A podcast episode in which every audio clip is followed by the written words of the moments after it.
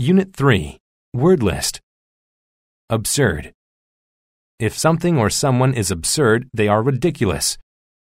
That group of people making animal noises sounds completely absurd. Anemia. Anemia is a blood condition that causes a person to be pale and tired. When she first developed anemia, she became tired often. Aristocracy. The aristocracy is the highest class of people in certain societies. Most members of the aristocracy were very well fed. Aristocrat. An aristocrat is a person who is of the highest class in certain societies. The aristocrat did not need a job because his family was wealthy. Attire. Attire is nice or special clothing. Everyone wore their best attire to the president's daughter's wedding. Craze. A craze is a brief and popular activity or object.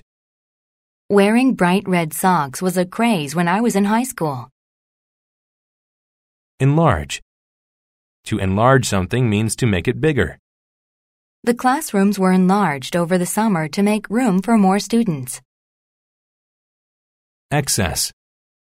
An excess is an amount of something that is more than needed or wanted. Because it never got cold that winter, many stores had an excess of coats. Feminine. If something is feminine, then it has qualities that are commonly related to women. Many of the older people thought his long hair made him look too feminine. Hallmark. A hallmark is a unique characteristic of something.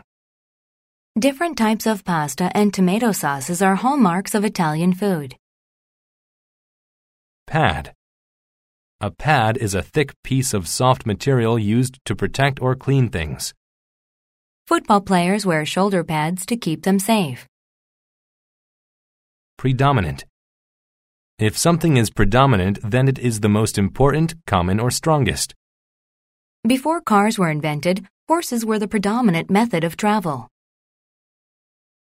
Reputable. If someone or something is reputable, then they have a good reputation. The service from the less than reputable company made her angry. Rouge. Rouge is a red powder or cream used as makeup on the cheeks or lips. Even when she didn't wear rouge, her cheeks appeared red. Signify. To signify means to be a symbol of something. A red octagon is used to signify to stop. Strap. A strap is a thin, long piece of fabric used to fasten, carry, or hold something. She put the strap of her purse over her shoulder and walked out of the door. Tangle. A tangle is something or many things twisted together. The laces of his shoes were in such a tangle that he could not untie them. Vanity.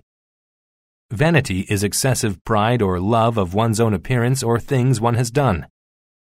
Her vanity won't allow her to pass a mirror without looking at herself. Vie. To vie for something means to compete against others for it. The three boys vied for the prize in the chemistry contest. Vulgar. If something or someone is vulgar, then they are rude or lacking in style. Her vulgar behavior got her into trouble with her parents.